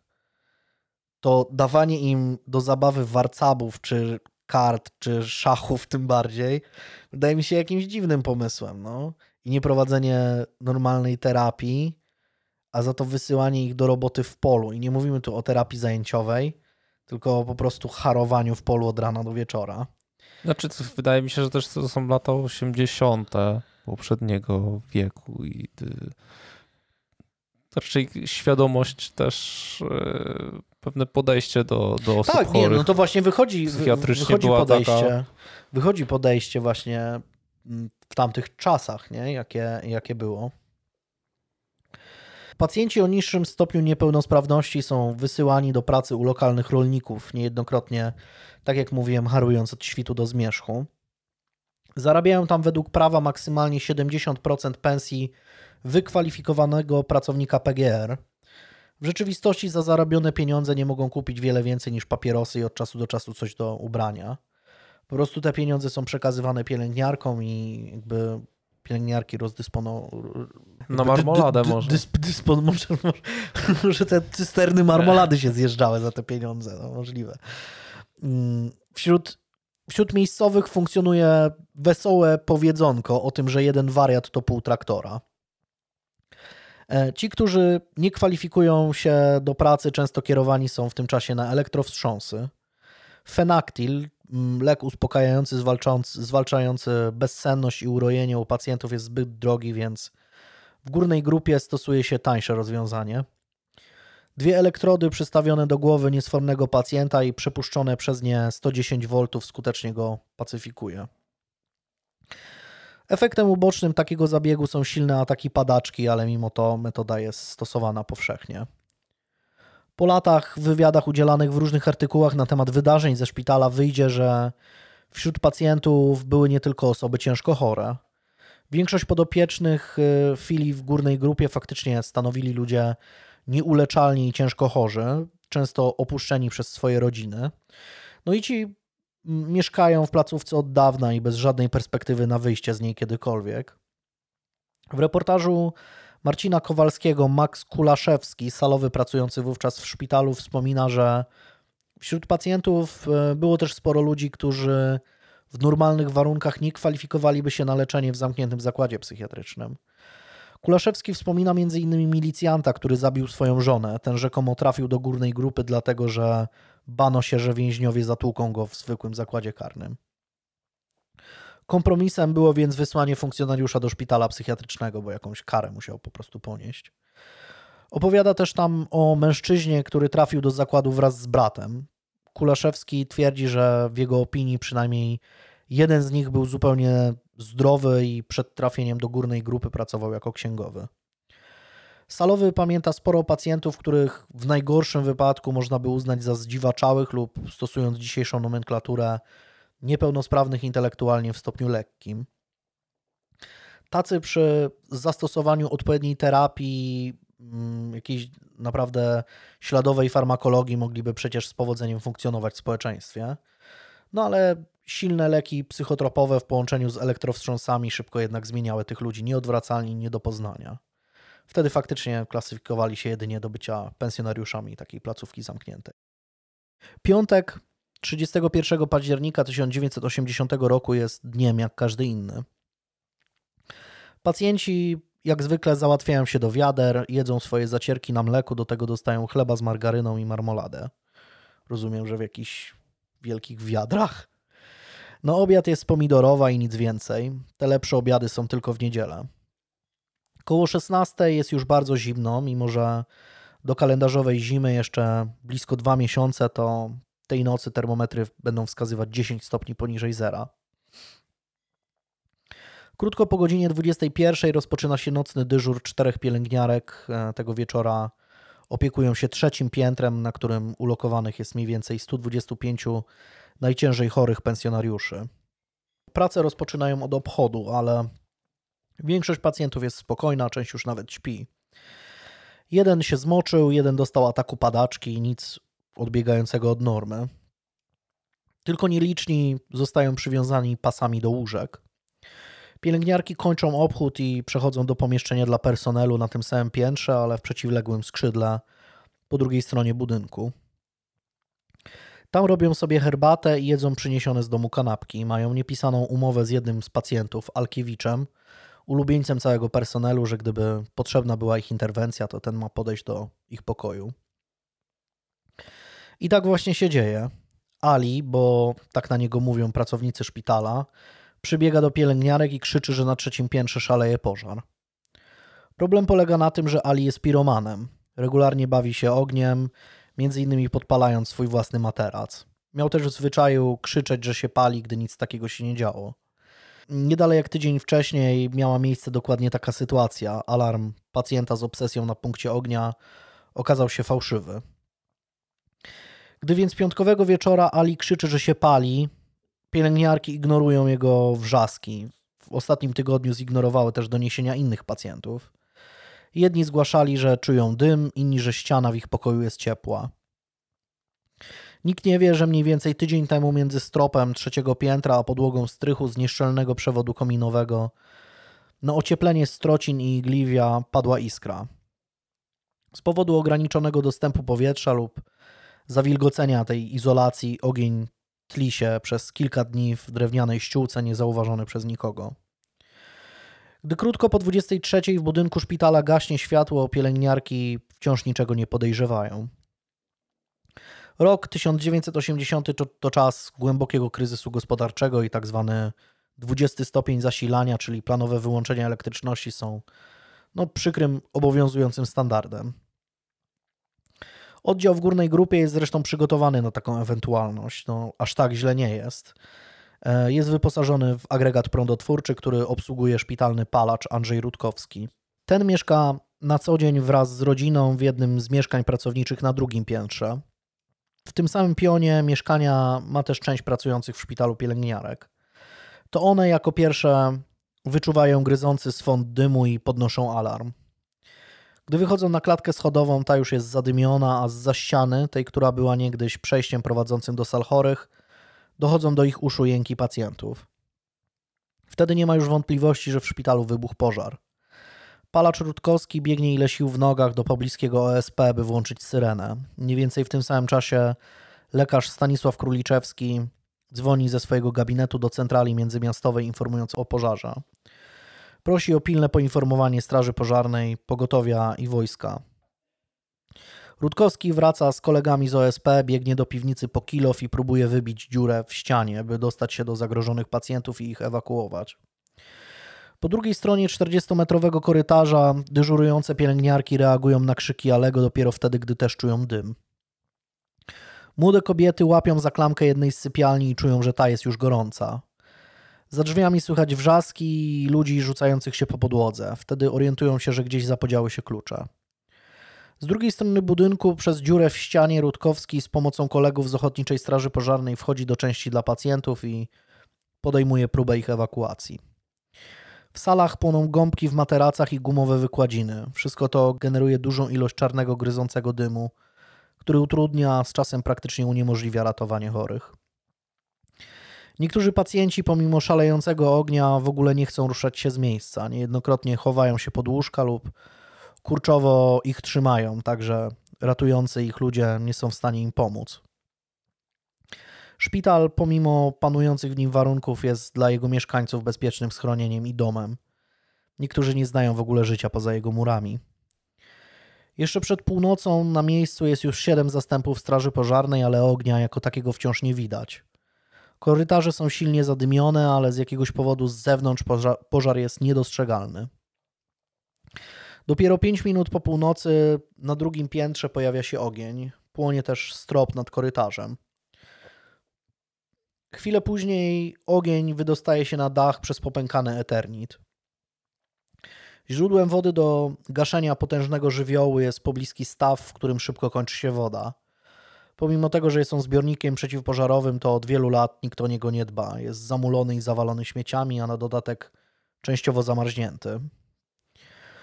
Ogniomistrz Wesołowski wchodzi do akwenu i ręcznie odgarnia gałęzie i nieczystości, tak by smoki pomp mogły podawać wodę do strażackich węży. Poświęcenie strażaka poprawia nieco sytuację, ale akcja i tak co rusz jest przerywana. Pomimo tego, że taka placówka powinna być wyposażona w wewnętrzny system hydrantów, to nikt dotychczas nie przywiązywał tu wagi do procedur. Hydrant faktycznie jest, ale nie działa. Gdy strażacy próbują kierować prąd wody przez okna w salach, to orientują się, że szyby wykonane są z grubego, hartowanego szkła, tak jak wspomniałem, które nie pękłoby nawet pod uderzeniem młotka. No i to również skutecznie utrudnia możliwości gaszenia wewnątrz budynku. No władze szpitala zainstalowały e, te, to hartowane szkło niezgodnie z przepisami. W ogóle tak, takie coś nie powinno nastąpić. Po chwili akcja i tak staje w miejscu, bo trzeba czekać na beczkowozy. Wyposażenie samej straży pożarnej również pozostawia wiele do życzenia, bo niektórzy nie mają nawet hełm, hełmów, latarek czy lin, więc stoją w sumie bezczynnie. Wisienką na torcie jest fakt, że część wozów nie jest w stanie dostać się na miejsce pożaru ze względu na ciasno rosnące przy dojeździe drzewa. Trzeba je więc na prędce ściąć, by umożliwić służbom odpowiednie rozlokowanie się. A między innymi strażacy wspominają, że ustawienie drabiny, dzięki której mogli jakby no, kierować tym, tym prądem wody po, po, po dachu i, w, i wewnątrz, trwało zdecydowanie za długo ze względu na to, że nie było miejsca, w którym ten, ten, ten, ten samochód strażacki mógł, mógł stanąć. E, bo jak zdjęcia pokazują, to w ogóle ten dziedziniec dookoła szpitala e, to jest takie takie błoto praktycznie, nie? Że, że jak tam jakiś cięższy samochód wjechał, no to się od razu zakopywał i, i nie mógł e, stabilnie stać, żeby tą drabinę roz, rozstawić. Dyrektor Domu Kultury w Górnej Grupie, Jan Kalinowski, ponadto twierdzi, że nie wszyscy strażacy, którzy brali udział w akcji, byli trzeźwi. Wspomina, że byli nawet tacy, co na następny dzień nie pamiętali, że w ogóle się paliło. Wieczór przed wszystkimi świętymi w wielu domach no, lała się ta czarodziejka gorzałka, co spowodowało taki właśnie, właśnie efekt. Choć z drugiej strony strażacy są innego zdania, ale w sumie no mm, trudno się spodziewać, żeby się do, przyznali do tego, że, że byli pijani na, na tak, akcji. Tak? tak jak z tym dopingiem, tak? To, to, dokładnie. No rzadko kiedy ktoś powie, tak, byłem nawalony, nie pamiętam nic. No tak to, tak to niestety z ludźmi jest. Po północy na miejscu zjawiają się też żołnierze z jednostek w Chełmie, Świeciu, Grudziądzu i Bydgoszczy. Pomagają też funkcjonariusze milicji Ormo, zjeżdżają się karetki. To bohaterski wyczyn trzech żołnierzy uratował zapewne dziesiątki istnień, gdy dowiedzieli się, że w strefie zagrożonej pożarem znajduje się zapas butli z gazem. Nie czekając na rozkaz, natychmiast wbiegli do środka, by wynieść z budynku tykające bomby. Dzięki ich odwadze w szpitalu nie, nie doszło do eksplozji. Na dziedzińcu przed budynkiem jest ponad tysiąc osób, ocalałych pacjentów, cały personel służby, no i oczywiście gapie. Ci zjeżdżają tutaj nawet z Grudziądza. Część pensjonariuszy, gdy jest już bezpieczna, wpada w panikę, widząc zamieszanie przed budynkiem szpitala. Spokojna dotąd placówka otoczona jest przez krzyczących i dziwnie ubranych ludzi. Na dodatek rozgrzany Eternit głośno pęka, wydając odgłosy jak strzelający karabin. Część uspokaja się dopiero, gdy ktoś wpada na pomysł, by narzucić na budzących grozę strażaków lekarskie kitle, z którymi oswojeni byli pacjenci szpitala i reagowali na tak ubranych mm, strażaków dużo lepiej. Wielu niestety w popłochu wbiega z powrotem w płomienie, jeszcze inni rozbiegają się po pobliskich lasach i polach. Pozostali stoją boso, nago lub w samych piżamach na mrozie. Zresztą niektóre doniesienia będą mówić, że do ogólnej liczby ofiar nie zostali zaliczeni ludzie, którzy właśnie w taki sposób zamarzli na śmierć przez noc, bo niektórzy dopiero nad ranem zostali znalezieni gdzieś na jakimś polu czy, co, czy coś. i będą tutaj spory dotyczące tego, czy faktycznie były takie incydenty. E, intensywne działania Straży Pożarnej zostają wznowione dopiero około godziny drugiej. Półtorej godziny później intensywnie podawana na dach woda doprowadza do przewrócenia komina i zawalenia stropu we wschodnim skrzydle. 100 metrów kwadratowych budynku wali się od strychu aż do kaplicy ulokowanej na parterze. Jakież to mistyczne spłonąć w dzień wszystkich świętych, spaść do kaplicy, dając świadectwo o swoich pełnych fałszu bliźnich. Po latach napisze Andrzej Michorzewski, późniejszy dyrektor szpitala w świeciu, w swojej publikacji obnażającej szereg rażących zaniedbań w oddziale, w górnej grupie i innych zakładach psychiatrycznych. W 2000 roku zresztą Michorzewski zrezygnuje ze stanowiska właśnie dyrektora szpitala w świeciu, twierdząc, że wstydzi się być psychiatrą w Polsce. Już w nocy wiadomo, że akcja ewakuacyjna się nie powiodła i duża część pacjentów zginęła w pożarze. Wiedzą o tym lokalne władze, więc jeszcze w nocy na miejscu zjawia się sekretarz wojewódzki, wojewoda bydgoski, prokurator wojewódzki, powiatowi działacze, a nad ranem helikopterem przylatuje wicepremier Henryk Kisiel oraz wiceminister zdrowia Tadeusz Szelachowski. Pożar zostaje ugaszony dopiero około godziny 6.30. Salowy Kulaszewski wraz ze strażakami milicjantami wchodzi do jednej z sal, tej, której w ogóle nie udało się otworzyć i zastaje tam koszmarny widok.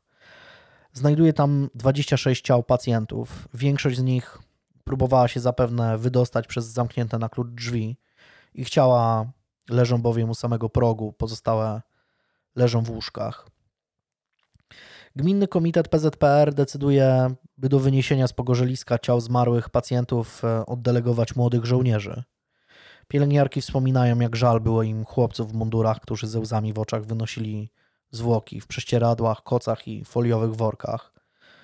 Wielu mm, nie wytrzymuje zastanego tam widoku i wymiotuje.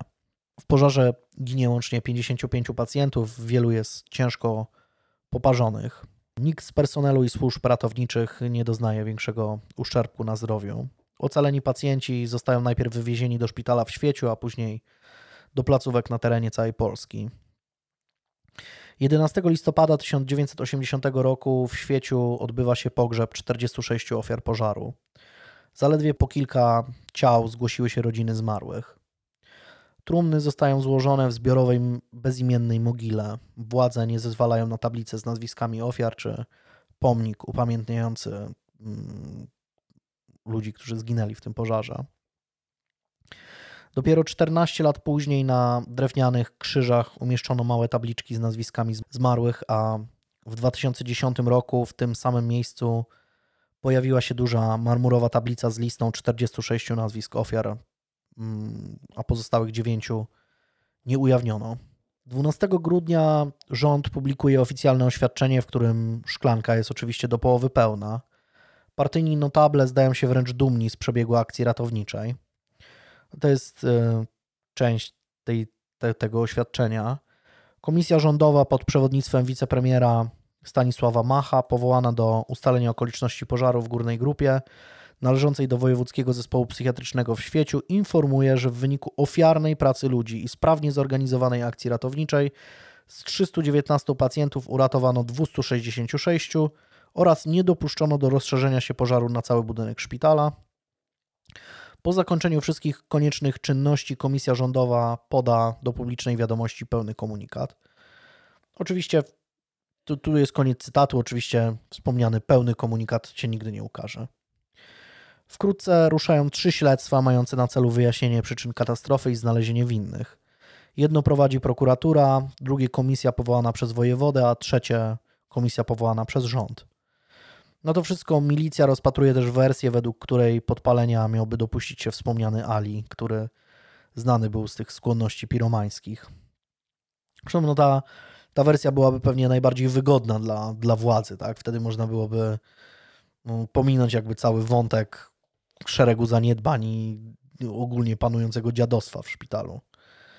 No ale niestety no, no, ta wersja się zupełnie nie klei, więc zostaje porzucona. Prokuratura Wojewódzka z Bydgoszczy sporządza akt oskarżenia przeciwko Janowi Górskiemu i Mieczysławowi Chyle. odpowiednio zastępcy dyrektora szpitala do spraw ekonomiczno-finansowych oraz kierownikowi działu administracyjno-gospodarczego. Wiceprokurator wojewódzki Zdzisław Obuchowicz oskarża mężczyzn z artykułu 42 ustawy o ochronie przeciwpożarowej o niedopełnienie obowiązków służbowych związanych z wykonaniem zaleceń z przeprowadzonej w 1979 roku kontroli przeciwpożarowej, czym narazili pacjentów na utratę zdrowia i życia. Ustawa ta przewiduje karę pozbawienia wolności na 5 lat. Proces rozpoczyna się jesienią 1981 roku. Jeszcze przed jego startem środowisko no, psychiatrów e, jest zdania, że, no, że ci ludzie są po prostu zwykłymi kozłami ofiarnymi. Od wielu lat budżet szpitala ledwo się spinał ze względu na cięcia ze strony władz. Nie było więc mowy o jakimkolwiek mm, szerszym remoncie czy modernizacji placówki. W swojej książce Dzień, w którym wybiło szambo, czyli nadużycia w psychiatrii, Andrzej Michorzewski stwierdza, tu cytat, autorów tego scenariusza, tego horroru należałoby szukać wśród przeciwników reformy lecznictwa psychiatrycznego i zwolenników dużych szpitali psychiatrycznych, fanów 40-łóżkowych sal chorych i arogantów odpowiedzialnych za stagnację polskiej psychiatrii. W trakcie przewodu sądowego rozszerzono postępowanie na dyrektora szpitala oraz cztery pielęgniarki, które oddaliły się z miejsca pracy. Finalnie oskarżeni nie zostają skazani. Jan Górski umiera jeszcze w trakcie postępowania, a pozostali nigdy nie usłyszą wyroku. Gdy władze i sądy są skupione na wprowadzonym od niedawna stanie wojennym, proces ulega odroczeniu. Finalnie sprawa zostaje umorzona 20 sierpnia 1984 roku na mocy przeprowadzonej wtedy amnestii. Nieomal natychmiast po pożarze zaczęto doszukiwać się w nim jakichś tajnych działań służb. Po całej Polsce krążyło coś w rodzaju miejskiej legendy.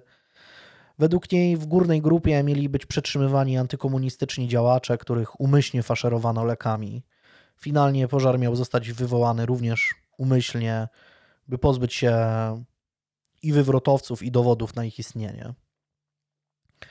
W wersji tej przyglądał się nawet w 2009 roku Instytut Pamięci Narodowej, jednak no, trzeba przyznać, że teza ta no, jest na tyle szurska, że, że nawet IPN nieomal natychmiast po prostu zamknął temat.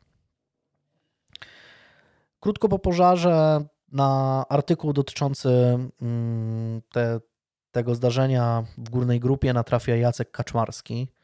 Zainspirowany historią e, pisze tekst piosenki pod tytułem A my nie chcemy uciekać stąd, do której muzykę napisze Przemysław Gintrowski. Status piosenki w okresie stanu wojennego urośnie do rangi hymnu opozycji antykomunistycznej. Jak ktoś nie zna tej piosenki, to naprawdę, naprawdę polecam, bo jest to naprawdę ciekawy, ciekawy kawałek.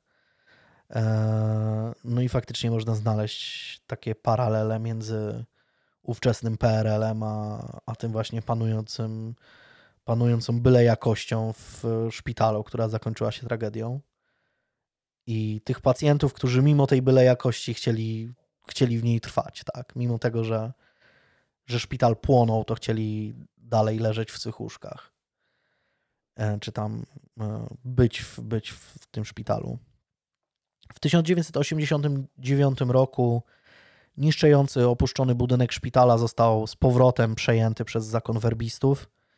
Dziś mieści się tam dom misyjny świętego Józefa, drukarnia i oddział dla zakonników misjonarzy w podeszłym wieku. I taki stan jest e, do dzisiaj, nawet jak e, jedzie się właśnie z Chełmna, ze Świecia w stronę Grudziądza, e, to, no to widać ten budynek z, z drogi.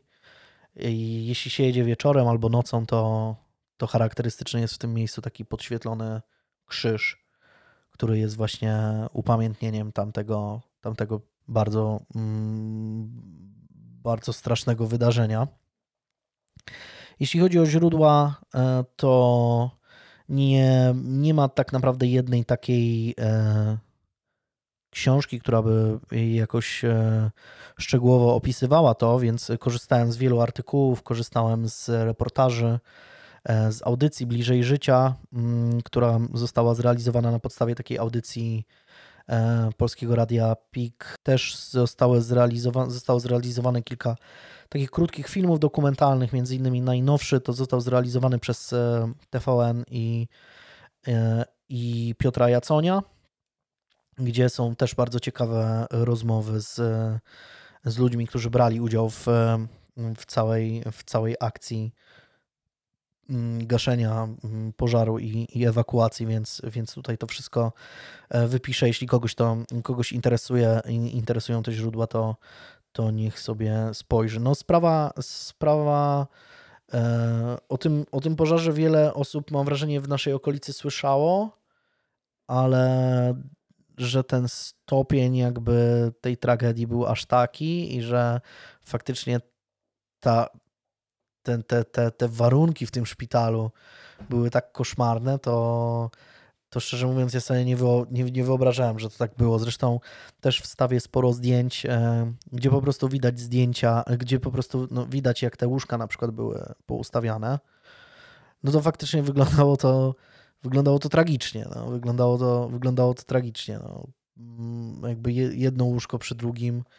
E, tych, tych ludzi naprawdę cała, cała masa w tej, w tej jednej sali. Żadnych szafek, żadnych, żadnej takiej przestrzeni takiej życiowej, tak? No, no nie wyglądało to, nie wyglądało to za, za dobrze.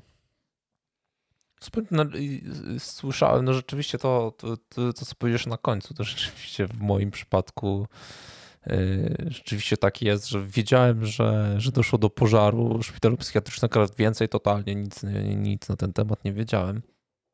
Bo to rzeczywiście trzeba się, trzeba się gdzieś wczytać yy, wciągnąć w to. No, no, no, to, to, nie jest taka historia, o której się opowiada przy Wigilii, wiesz, przy, tak. przy Karpiu czy coś, albo w szkole się, się, się, mówi. No gdzieś tam, gdzieś tam się słyszy, gdzieś tam się obija uszy, ale, ale szczegółów no to, no to raczej, raczej, raczej się nie zna, no tak jak mówisz. No też e, ostatnio e, jechałem akurat e, autostradą E, do, do Warszawy i za Toruniem, kawałek za Toruniem, jak się jedzie autostradą i się ma włączone Google Maps, to tam przy autostradzie jest miejsce też z 1980 roku, miejsce katastrofy kolejowej pod, e, w Otłoczynie. Mhm, tak. E, I to też jest bardzo interesująca, interesująca historia, o której może kiedyś opowiem.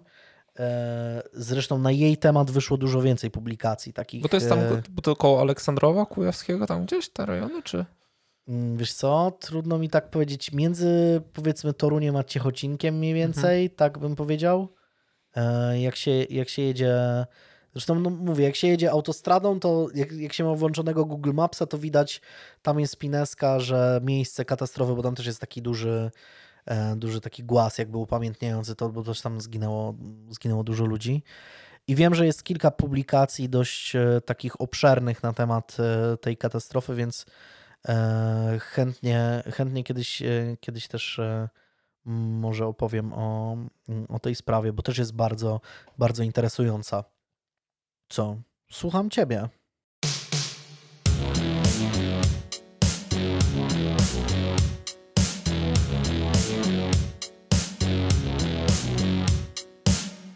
Hej, hej, hej, zanim posłuchamy mrożącej krew w żyłach historii Kamila, to chcę tylko przypomnieć, że możesz dołączyć do grona naszych patronek i patronów. Wystarczy, że wejdziesz na patronite.pl ukośnik no nie gadaj i tam wybierzesz próg wsparcia. Dzięki temu możemy dalej się rozwijać, możemy działać z jeszcze większym rozmachem.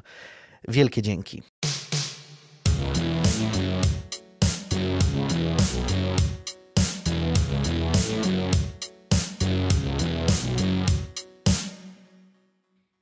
1 września 1910 roku w średniego rozmiaru włoskiej miejscowości Forli, będącej m.in. miastem partnerskim Płocka, na świat przychodzi mała Edda. Jest to rok, w którym w Polsce otwiera się w Sopocie dom zdrojowy.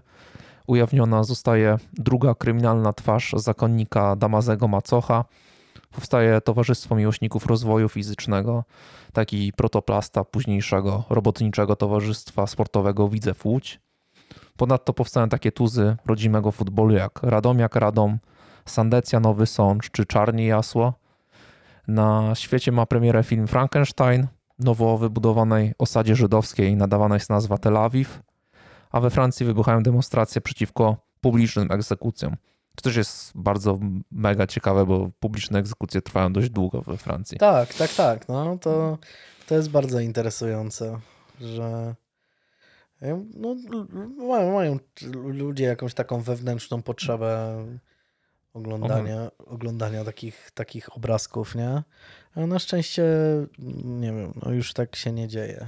No, no, ja też nie mam takiego hobby żadnego. Ten... No, też... Przecież, przecież wiele osób ma, ma takie dziwne zapędy, jakieś takie sadystyki do tego istnieją, nie? No tak i, i, i właśnie wbrew pozorom kręcą bardzo dużo, bardzo dużo wyświetleń i takie wszelkie filmy, gdzie no, no, no, nawet jakieś tam ostatnie wydarzenia, które miały miejsce, gdzie, gdzie no teraz każdy ma komórkę i może nakle, nakręcić e, sytuację, no tak jak było z ostatnią strzelaniną z no, Poznania, Poznania no to przecież ten, ten filmik już wszędzie był. On krążył już dosłownie chwilę po tym zdarzeniu tak, tak naprawdę. Tak, tak. No, I to z różnych ujęć tam. Twitterach, wykopach i różnych tam pewnie też sadistikach, no, no ale, ale tak, no ewidentnie ludzie mają potrzebę oglądania takich obrazków. No.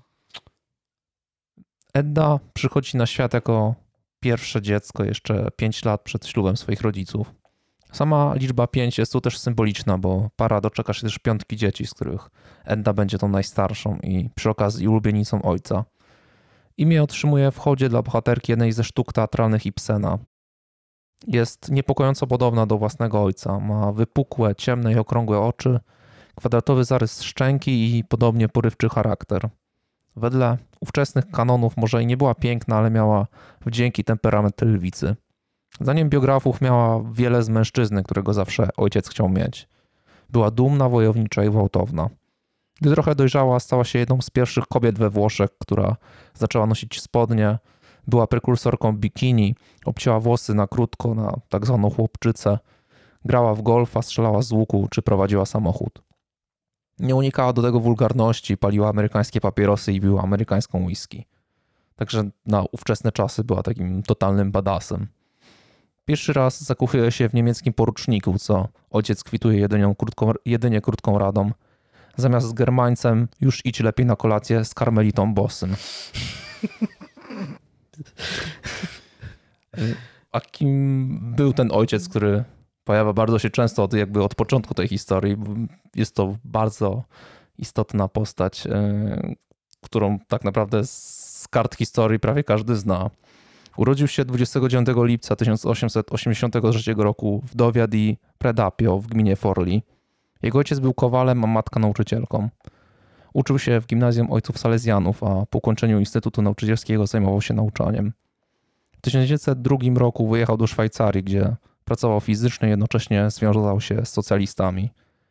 Od 1909 roku mieszkał w Trydencie należącym do Austro-Węgier i pracował w redakcji socjalistycznych gazet. W czasie I wojny światowej zmienił poglądy na nacjonalistyczne. W 1915 roku ożenił się z Rachele Guidi, z którą miał pięcioro dzieci. No ale jak wspomniałem, przed tym oficjalnym ślubem 5 lat miała już mała Edda Mussolini, pierwsza córka późniejszego dyktatora Włoch określonego Duce, co w wolnym tłumaczeniu oznacza wodza. Relacja pomiędzy ojcem a córką jest efektem ich podobnych charakterów. Edda jest królową flirtu, co nie podoba się Benito, który chciałby sam znaleźć jej odpowiedniego partnera, w szczególności wśród książąt austriackich. Córka jednak, by zagrać na nosie ojcu, zaręcza się z arystokratą Forli, jakim Pier Franceskiem Orsi Mangelim, ten jednak popełnia dość spory błąd, pytając przyszłego teścia, ile dokładnie wynosi posag jego przyszłej żony.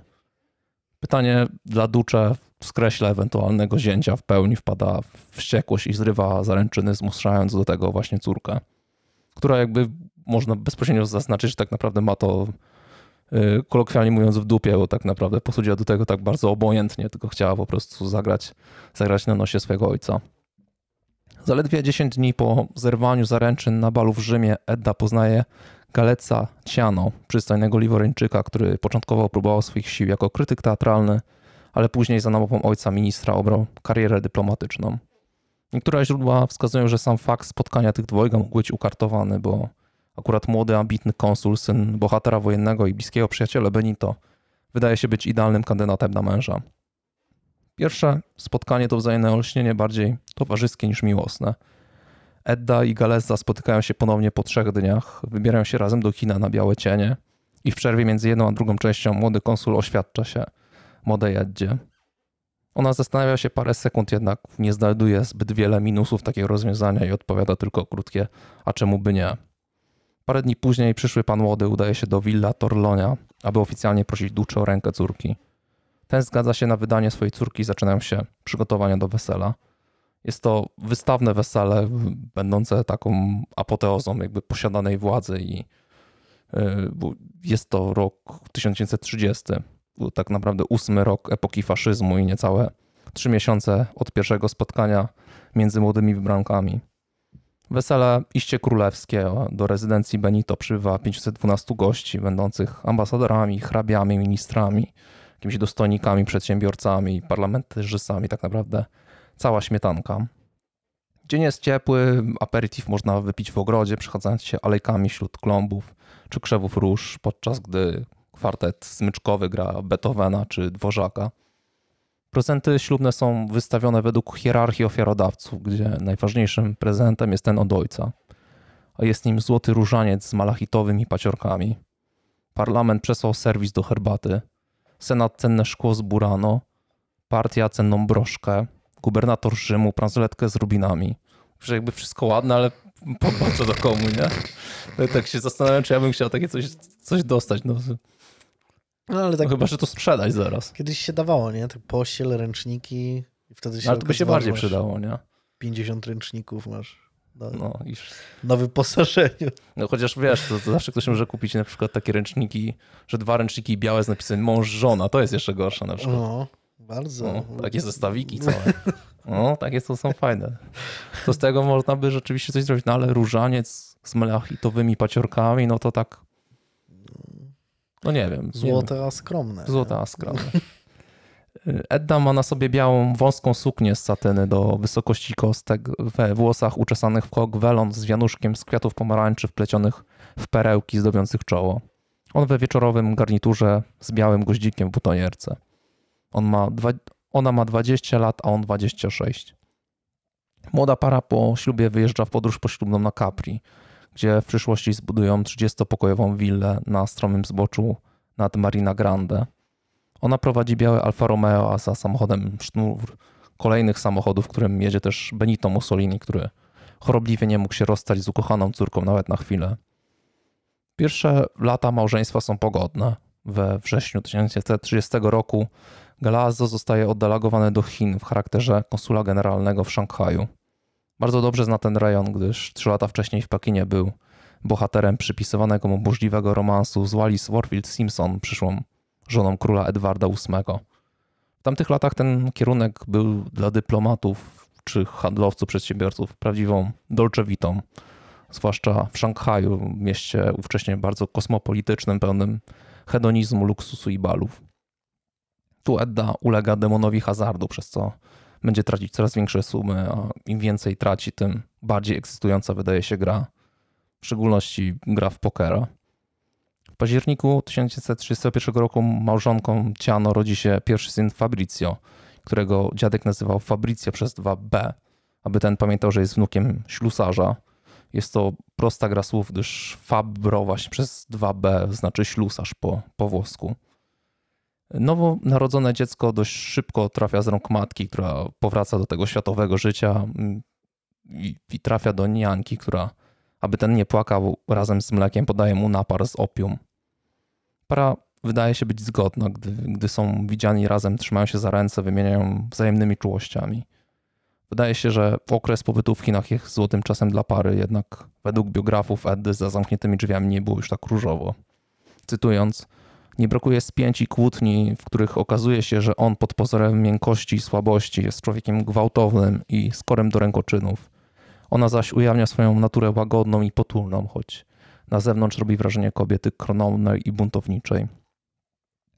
Mussolini, choć dumny z córki, to ma jedną zadrę, jedną wątpliwość wobec jej zachowania. Nie lubi jej skłonności emancypacyjnych. Oznajmia jej, że, i cytuję, kobieta ma zajmować się domem, rodzić dzieci i spokojnie znosić przyprawianie rogów.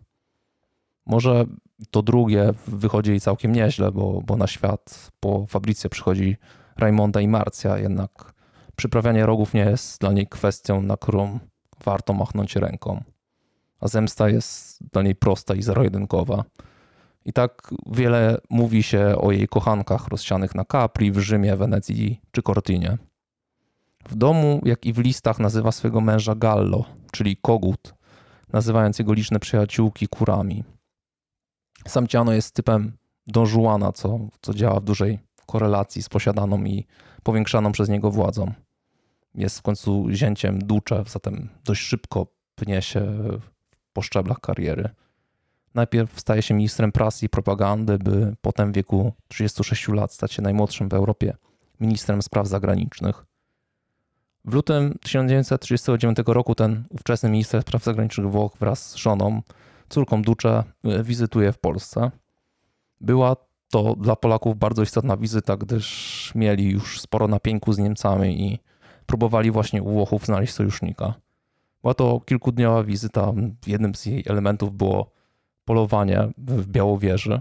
Są zdjęcia z tego polowania. Podobno, no podobno Edda tego dnia y, upolowała chyba pierwszego dzika i przychodziła jakieś tam specjalne y, myśliwski, jakiś myśliwski chrzest związany z tym, że jakieś tam są zasady związane z tym, że jeżeli ktoś upoluje pierwszego dużego zwierzę, to chyba mhm. krwią musi wymazać swoje czoło, cokolwiek takiego. Są z tego zdjęcia, są nawet z tego filmiki, więc, więc to wszystko, wszystko będzie wstawione. No ale to, do tego polowania doszło właśnie w Białowieży.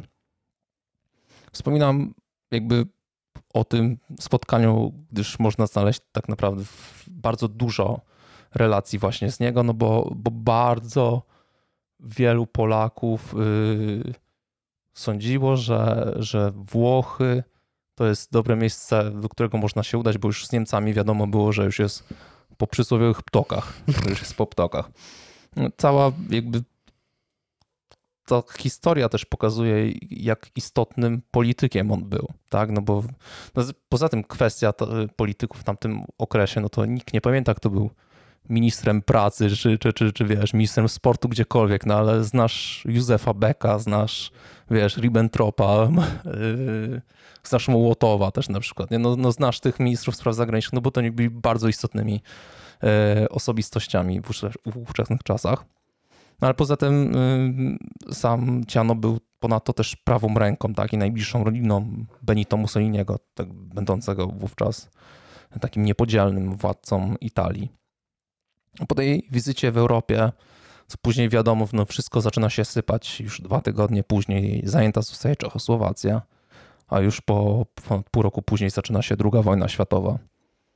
Włosi stają się jedną, jednym z państw osi i współpracują z nazistowskimi Niemcami. Cała historia faszystowskiego ruchu Mussoliniego, jego dojścia do władzy jest, jest mega ciekawa i też warto, warto się nią zainteresować. Tak samo jak w jak sprawa sięgnięcia po władzę przez, przez Hitlera i nazistowskie. To tak naprawdę w sposób prawie demokratyczny można powiedzieć, że naziści zdobyli władzę w Niemczech. No i te, tak samo dość podobnie to wyglądało we Włoszech, wiadomo, z pewnymi incydentami, tak? Y, już też w czasach, w czasach rządzenia. W 1943 roku poglądy teścia i zięcia zaczęły stawać się rozbieżne. Ciano zaczął optować za zmianą kierunku i stanięcie po stronie alianckiej, zaczął być orędownikiem zmiany frontu. Szczególnie stawało się to logiczne, gdy przypomni się bitwy II wojny światowej, w której to Włosi nie do końca realizowali od samego początku te cele, które miały mieć przed sobą postawione w takim tempie jak Niemcy. Był problem z Jugosławią, problemy w wojnie z Grecją, problemy z północną Afryką. 25 lipca 1943 roku podczas zebrania Wielkiej Rady Faszystowskiej poparł przeciwników Mussoliniego. Jako jeden z 19 członków głosował za jego usunięciem. Wspomniane niepowodzenia włoskie na froncie, w tym klęska w wojnie z Grecją i utrata kolonii w Afryce doprowadziły do podważenia decyzji politycznej Ducze. W trakcie zebrania Rady, która miała być raczej taką doraźną formą znalezienia wspól, wspólnej drogi tak, i wspól, wspólnego działania, nieoczekiwanie nawet dla aliantów e, z inicjatywy przewodniczącego Dino Grandiego Rada postanawia usunąć Mussoliniego ze stanowiska premiera. Konsekwencji został on zdymisjonowany ze stanowiska premiera i aresztowany. Na czele nowego rządu stanął Pietro Badoglio. 8 września ogłoszono zawieszenie broni między aliantami a Królestwem Włoch. Ukryty Mussolini jakby wymusił na Niemcach konieczność ustalenia jego miejsca przebywania. W końcu wywiad niemiecki zadziałał i ten został odnaleziony w ośrodku narciarskim Campo Imperiale. Został odbity przez niemieckich żołnierzy w dniu 12 września 1943 roku. Po uwolnieniu Mussolini stanął na czele rządu zorganizowanej pod patronatem niemieckim włoskiej Republiki Socjalnej, tzw. Tak Republiki Salo. I był to, raczej obejmowało to Włochy wyłącznie prawie północne tak naprawdę już. Od południowej strony no to już yy, głównie rządzili alianci. Kierowany już trochę jak na smyczy przez Niemców, Ducze i jego zwolennicy osądzili w Weronie w styczniu 1944 roku tych, którzy w lipcu 1943 głosowali za odsunięciem Mussoliniego od władzy. Aresztowany już wtedy był Ciano, który stał się jedną z głównych twarzy tego procesu. I chociaż Edda błagała ojca o litość nad jej mężem i ojcem dzieci, Mussolini nie miał litości. Mówi się o tym, że Benito już wtedy był zbyt zależny od decyzji Niemiec, więc tak naprawdę nie miał zbyt wiele do powiedzenia. Edda próbowała przekonać go w każdy możliwy sposób. Była jego ukochaną córką, dla której wydawało się, że ojciec jest w stanie zrobić wszystko. Jednak tego nie potrafił przeskoczyć. Także mimo wysiłków żony został skazany na karę śmierci za zdradę stanu i rozstrzelany na terenie wojskowej strzelnicy w styczniu 1944 roku. Edda po śmierci męża napisała: Nie jest pan już dla mnie ojcem. Nie chcę więcej nosić nazwiska Mussolini. Musiała uciekać, znalazła schronienie w neutralnej Szwajcarii i tam udało jej się dotrwać do końca wojny. Wydała później swoją autobiografię La Mia Vita, a także dziennik męża, który zawierał wiele ciekawych cytatów dotyczących m.in. pobytu w Polsce oraz analizy wszystkich politycznych zdarzeń na mapach Europy. Bardzo ciekawy jest ten dziennik. Y, polecam się z nim też zapoznać. Y, bardzo dużo ciekawych jest opisów y, tego, jak wygląda Polska. Na przykład zupełnie nie zachwycono się Krakowem. Wszyscy jakby, cała ta świta polska to jakby okazywała Kraków jakie takie piękne miejsce, a oni tak trochę machali nosem na to. I ogólnie na wiele rzeczy już wtedy wskazywał na to, że raczej Polska będzie gruzami tak naprawdę, że już Polacy mieli sporo nadziei, jeżeli chodzi o Włochy, ale po tej wizycie y, Ciano już jakby trochę chyba trochę też chyba machnął ręką, zobaczył, że ta Polska to już tak bardziej jest szara i, nie ma, nie ma co, co, co z nią jakby wchodzić w, w jakiekolwiek konszachty. Książkę napisał również ich syn, Fabrizio Ciano, w wolnym tłumaczeniu o tytule Kiedy dziadek zastrzelił tatę. Po zakończeniu wojny Edda wróciła do Włoch, gdzie została skazana na dwa lata za popieranie faszyzmu. Także gdy na tą całą sytuację spojrzymy z dzisiejszej perspektywy, no to ta decyzja Benito była jego gwoździem do trumny. Wiadomo, jakby, jakie przywiązanie do rodziny jest w ogóle we Włoszech, jak, jak Włosi mają przywiązanie do rodziny. Więc yy, tak naprawdę ciężko im było wy, wy, wybaczyć dyktatorowi, który tak naprawdę odwrócił się od własnej rodziny tak, do realizacji swoich politycznych celów. Mimo, że ten również pod koniec wojny próbował się ukrywać na terenie Szwajcarii, później w okolicach jeziora Como i Mediolanie, to w końcu został zatrzymany i w 1945 roku rozstrzelany. Następnie zbezczeszczono jego zwłoki, które powieszone głową do góry zostało zdjęte dopiero po przejęciu terenów przed, przez aliantów. Także jak wspomniałem, w tej, w tej trójki tragicznych bohaterów historii przeżyła tylko Edda, która po odbyciu dwuletniej kary więzienia dalej mieszkała we Włoszech. Tam w 1975 roku wydała wspomnianą biografię. Przeżyła 85 lat, umierając w Rzymie w 1995 roku. Jest to mega ciekawa historia, która ma sporo takich rozgałęzień, w których wiele osób, które to, to, to, słyszy, może tak naprawdę zajrzeć, bo cała historia dojścia do władzy faszystów, y, kwestia w ogóle całej całej biografii Benito Mussoliniego i, i samej kwestii tego, jak on został rozstrzelany. Też, jest, też są zdjęcia z tego, tak? Jest, w, w ogóle to jest czas, gdzie, gdzie sporo rzeczy było nagrywanych, tak? Można naprawdę dużo, dużo fotek znaleźć. Ale jest to przede wszystkim y, tragedia bardziej rodziny, no bo wiadomo, że jeżeli chodzi o kwestie polityczne w tamtych czasach, no to wiadomo było, każdy wiedział na co się pisze, tak? Najgorzej miały te e, te dzieci, które tak naprawdę, no tak jak zostało nazwane to później w książce jednego z wnuków Benito Mussoliniego, czyli dlaczego dziadek zabił tatę, tak, żeby one to, to pojęły. To jest jakby, wydaje mi się, że to jest naj, naj, największa tragedia w tym, w tym przypadku. Mm, jeżeli chodzi o o, o filmy. Powstał film Mussolini i ja. On y, miał swoją premierę w 1985 roku. Y, jest to film ponad 4 godziny, później został rozbity. I tam rolę naszego głównego bohatera, czyli Ciano, zagrał Antony Hopkins. O, I ogólnie ta, ta cała, cała historia głównie skupiona wobec, wobec jeżeli chodzi o Benito Mussoliniego, tak, ale cała historia jego jest też pokazana, on jest też tam narratorem, jakby jest to pokazane z jego perspektywy. Więc y, to jest mega, mega ciekawe. Ja to oglądałem jakiś czas temu, do tego sobie przypomniałem y, i, i, i, i to mnie skierowało e, do tej historii. Z tego co pamiętam, to chyba nawet nie wiem, czy, czy to nie zostało wydane przez HBO bardziej w formie filmu takiego telewizyjnego, Mhm. Bob Hoskins grał Benito Mussoliniego. Faktycznie. Anthony Hopkins, hrabia Galeazzo No to właśnie. Susan Sarandon grała Addę. No to kurde, ta obsada jest też na dodatek dobra. No proszę. Nie, nie widziałem tego filmu. To też nie, to też nie było, było łatwo go obejrzeć, bo to nie był film kinowy, tak? Mhm. To był bardziej no, film telewizyjny. Film telewizyjny, tak? tak? No, nazwijmy to tak. Mhm. Ale wydaje mi się, że, że prawie jestem w 90% pewny, że to było wydane przez HBO. Albo na prawach HBO, cokolwiek takiego. Mhm. Ciekawe. E, jeśli chodzi, jeśli chodzi o życie samego, samego Benito Mussoliniego, też nie, nie znam szczegółów. Faktycznie z e, jakichś tam książek na temat II wojny światowej, no słynne jest to zdjęcie, jak on skończył razem ze swoją kochanką chyba. Nie? Z kochaną, tam w czwórkę wiszą tam. Tak, gdzie został powieszony na stacji benzynowej gdzieś tam. Tak, nie? tak.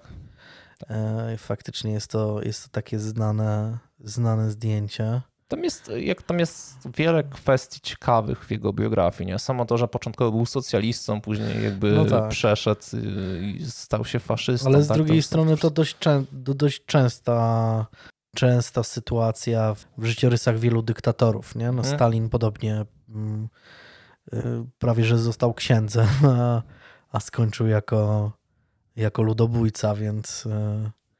Więc no, no wiele, wiele takich, e, takich historii było, nie?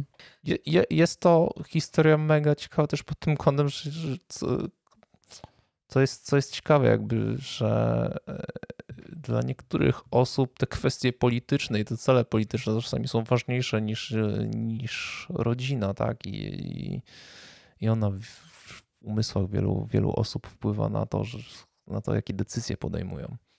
To jest też tej historii e, mega słabe. Nie? I... Hmm. A faktycznie podobna do, do Benito. Pro, problemem miałem szczególnym, jeśli chodzi o książkę Fabrizio, mhm. czyli jak dziadek zabił, zabił e, tatę, bo ona nie została wydana po angielsku, mhm. więc jechałem totalnym tłumaczem. Znaczy, wiesz, wtedy się to czyta książkę, jakby no, jakiś ośmiolatek to napisał, mhm. nie? Zawsze, zawsze mega zabawne. No zaskoczyłeś mnie tą historią. Z zaskoczenia mnie wziąłeś. No ty też mnie wziąłeś, nie, spodziew... nie, nie przychodziłem do ciebie z myślą, a może o górnej grupie coś dzisiaj opowiesz. Coś Jakaś tak, historia z górnej, górnej grupy. grupy. może. Kryminalna no, górna grupa, taki podcast. No to dzisiaj taki zaskakujący odcinek tak. z zaskoczenia. E, to jest 59 odcinek, więc niedługo okrągły 60. Na dodatek niedawno e, czwarte urodziny podcastu były, więc, więc nie wiem, będzie trzeba. No zobaczymy. Coś będzie trzeba. Na pewno, na pewno, pewnie, jasne. Zobaczymy, czas pokaże, czas pokaże. Ale to, to na pewno, na pewno e, wszystkiego się, się dowiecie z naszych różnych tam Facebooków i Instagramów. W takim razie to wszystko. E, Do następnego. Cześć. Podziękowania dla patronek i patronów. Ogromne dzięki dla osób, które zdecydowały się wesprzeć naszą działalność. Szczególne dzięki dla Anny Grajewskiej, Anny Polak, Anny Hardin, Skwierczyka, Pawła Wojtaszaka, Basi Michejdy, Pauliny Zieleń, Moniki Rogalskiej, Asi Szwałek, Moniki Wróż, Moniki Szałek, Doroty Karpowicz, Moniki Kołacińskiej.